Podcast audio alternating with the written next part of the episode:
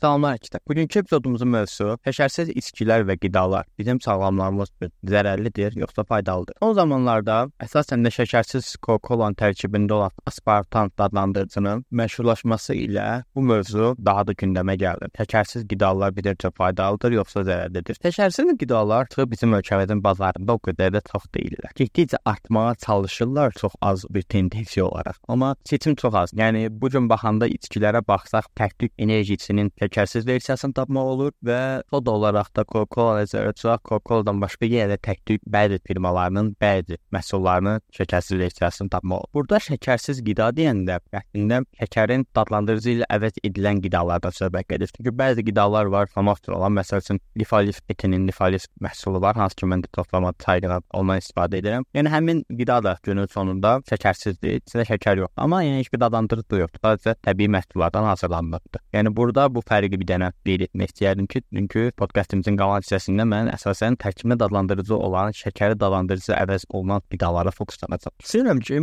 onsuz ölkəmizdə ən qabaqcıl şəkərsiz içki Coca-Cola Zero-dur. Yəni mən uşaqlığımdan bəri fikirləşəndə ilk dəfə gördüyüm şəkərsiz içki qara qapaqları ilə və qara qaplaması ilə Coca-Cola Zero idi. Həyatımıza belə daxil oldu şəkərsiz içkilər əsasən Azərbaycanda. Çünki beynəlxalq sferada, yəni Amerika Birləşmiş Ştatlarında məsələn əsasən e, demək ki, hər şeyin şəkərsiz versiyasını tapa bilərsən. Amma dediyim kimi yenə də şəkərin digər dadlandırıcılarla əvəz olunmuş versiyasından söhbət gedir. Onsuz bu tip şeylər əsasən biz içkilərin tərkibində görürük, qidalarda o qədər də olmur. Bəs səbəb və məntiq nədir burada? Buradakı əsas şey odur ki, şəkəri dadlandırıcısına əvəz edirik və şəkərdən gələn kalorini kaloriyanı sıfıra endirmiş oluruq. Demək olar ki, sıfır arada 1-2 kalori olur, amma yəni o heç nədir. Çünki 1 qram şəkər karbonhidratdır və bu da 4 kilokalori enerjiyə bərabər olur. Təxminən də hər bir içkinin içində hər 100 millisində 10 qrama yaxın şəkər olur. Bu da 40 kalori eləyir. Yəni bir stəkan kola içsəz, ortalama ola bilsə kola və yaxud da demək olar hamısı tərkibində şəkər indi deyə. Səndən hər hansı bir şəkərli içkini içsəz, bir stəkanda 250 millidə deyək. Təxminən 40-40, bir də 20-100 kaloriyə yaxın enerji qəbul etmiş olur. Dadlandırıcı ilə bu şəkər əvəz etdiksə artıq demək olar ki, həmin kalori sıfıra yaxınlaşır və 1-2 kalori olur. Məhz buna görə də insanlar artlayan zaman artıq şəkərli içkiləri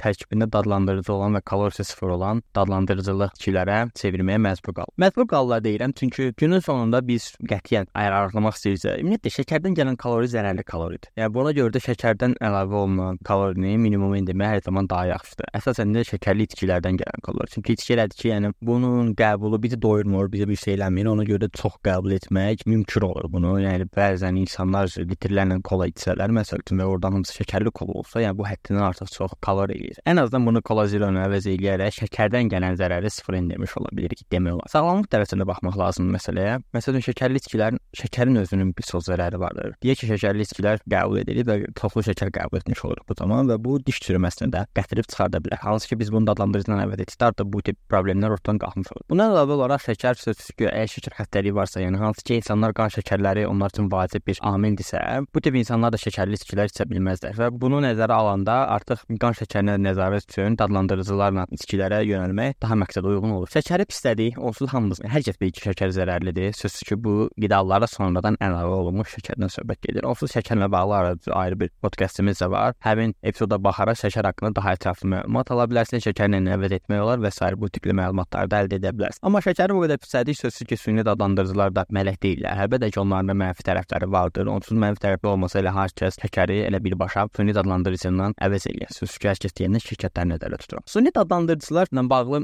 çoxlu araşdırmalar aparsa da, hələ də 100% əminliklə demək ola bilmir ki, insanlarda heç bir fəsad yaratmırlar. Uzun müddətdə baxanda əgər doğru dozalarda qəbul etsəz, yəni həddindən artıq çox qəbul etmədiyiniz müddətdə, bəli, yəni günün sonunda sizə çox bir zərər verməyəcəkdir, əgər düzgün qəbul edirsinizsə. Burada bəzi süni dadlandırıcılar insanlarda bəzən baş ağrısı, ürək bulanma, qusma kimi problemlər yarada bilər. Əgər siz çox uzun müddət Coca-Cola-nın şəkərli versiyasını içirsinizsə, onun zero versiyasına keçəndə artıq fərqi hiss edə bilirsiniz. Yəni həqiqətən də şəkərsiz içkilər əsasən də keyfiyyətsiz məhsullar aldıqda, ya daha doğrusu keyfiyyətsiz firmaların, tanınmayan firmaların içkilərini aldıqda, həmin o kimyəvi maddənin dadını daha da çox insan hiss edə bilir. Buna görə də ən azından şəkərsiz qidalar istifadə edəndə belə firmaya fikir vermək mütləqdir. Tərkibinə baxmaq, tərkibinə hansı dadlandırıcılardan istifadə olunub. Ən çox istifadə olunanlar söz ki, aspartamdır. Yəni hansı ki, Red Bullun içində var, Coca-Cola-nın içində var. Bundan əlavə olaraq yenə yenə də dadları tam şəkərə oxşamadırlar deyə. Əslində dadlandırıcılar bəlkə də sizin şəkər ehtiyacınızı tam qarşılaya bilər və buna görə də siz yenə də şəkərli bir şeylər istəyə bilərsiniz. Bu da bir növ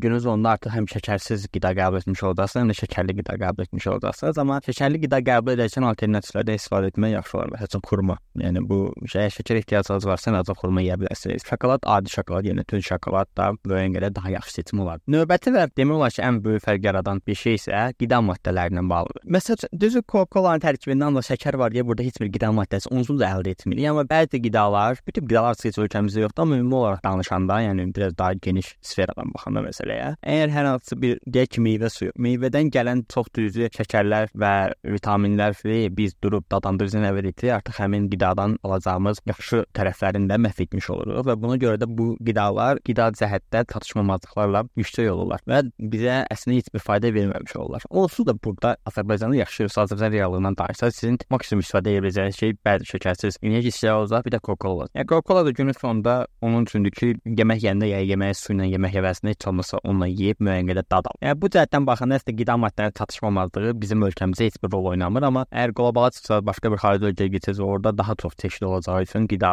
tərkibində dadlandırıcı olan maddələr olan qidalar, burada bu başlığı nəzərə ala bilərsiniz ki, tərkiblərində daha az qida maddəsi olacaq. İlkinləşdirsək də içində dadlandırıcı olan, istərsə içində şəkər olan hər bir qida bizim sağlamlığımız üçün zərərlidir. Heç birindən istifadə etməmək ən yaxşı seçimdir. Amma əgər məqsədiniz arıqlamaqsa, ən azından şəkərli kolanı Coca-Cola Zero ilə əvəz etmək sizin üçün daha yaxşı bir seçim olacaqdır. Çünki şəkərin zərərləri bir də daha çox məlumdur, nəinki dadlandırıcıların zərərləri. Amma qlobal olaraq baxdıqda bir çox sağlıq orqanizasiyaları şəkərli əvəz edən dadlandırıcıları insan sağlamlığı üçün tam olaraq zərərli görmür. Bu yaxınlarda onları xəritəncə gətirib aspartanın xərçəng xəstəliyinə ehtimal yaratması ilə bağlı bəzi faktlar ortaya qoyuldu, amma həmin o qidanı müəyyən bir kateqoriyaya qoymuşlar. Həmin kateqoriyada isə bir çox digər qidalar var və həmçinin də biri var, məsələn, siqaret çəkmək xərçəng xəstəliyinə yoluxdurma ehtimalı çox daha çoxdur, nəinki bu dadlandırıcılar. Yəni ona görə ona da nəzərə yetirmək lazımdır. Demək istədiyim şey odur ki, məsələn, bu yaxınlarda əsas məsələ odur ki, aspartam xərçəngə səbəb olur ya yox. Yəni beynəlxalq xərçənglə bağlı agentlik həqiqətən də aspartamın xərçənglə bağlı bir qrupa yerləşdirir ki, aspartam xərçəngi səbəb ola bilər. Amma burada hər bir qruplar var da. Aspartam gedir düşür qrup 2B-yə və biz həmin qrupa baxdıqda hansı qidalar var? Məsələn, adi səskə kalbasa belə həmin qrupda üst. Yəni səskə kalbasa nə qədər sizə zərərlidirsə, aspartam da o qədər zərərlidir və ya da həmin qida sizə nə qədər xərçəngə yoluxdura bilərsə, aspartam da demək olar ki, 3 aşağı 5 yuxarı o qədər sizə xərçəngə yoluxdura bilər. Hətta burada yəni duzda bişirilmiş balıq, kömürdə, közdə bu tip bişirilmiş ət, yəni bu tip qidalar belə xərçəngə səbəb verə bilər. Əslində yəni burada bir maddə və ya bir qida xərçəngə səbəb ola bilərdən çox. Xərçəngə səbəb olma ehtimalı nə qədər? Yəni xərçəngə səbəb olma ehtimalını ümumi bir faydan götürsə bəlkə də 20-90% bura daxil etmək olar adaq çörəyə. Amma biz bu şkalanı böyüdəndə xərçəngə səbəb olma faizi nə bilim, məsələn 50%-dən yuxarısı artıq bu ciddi bir riskdir. Yəni həmin qidalardan mütəmmədə uzaq durmalıyıq. Məsələn elə həmin agentliyin qrup 1-də daxil etdiyi və xərçəngə birbaşa təsir edən maddələr arasında elə birinci alkoholdur, sonra da siqaret. Yəni bu ikisi çox daha zərərlidir və sizi daha çox xərcəng edə bilər, nəinki aspartam. Yəni buna da nəzər yetirmək dair. Hə, birdən soruşa bilərsiniz ki, bəs şəkər necə hansı kateqoriyaya aiddir? Açıq şəkər rəsmi olaraq xərçəngə səbəb olmaq kateqoriyasında yox. Yəni belə dəqiq heç bir demək olur bunlar barəsində, çünki hələ də tam olaraq insanın təsirlərini heç bilə bilmirik. Yəni heç kim bilmir. Yəni günün sonunda tamamilə seçim sizin özünüzdən asılıdır. Yəni necə deyirlər, hər iki tərəfdən zərər görəcəksiniz. Yəni şəkərli qida yeməklə zərər görəcəksiniz, dadlandırıcı qida yeməklə zərər görəcəksiniz. Ona görə bayaq dedim ki, ən yaxşısı heç birindən istifadə etməmək. Bu epizodumuzdan bu qədər. Məni sosial media platformalarında izləyə bilərsiniz. Ehtiyacınız olan bütün linklər bioda yerləşdirilibdir. Elə sadəcə həmin linkə basaraq bütün platformalara çıxış əldə edəcəksiniz. Həm də digər podkastımız olan oradan buradan da göz yetirə bilərsiniz. Hələlik izləmədə qalın və ən əsası hər zaman sağlam olun.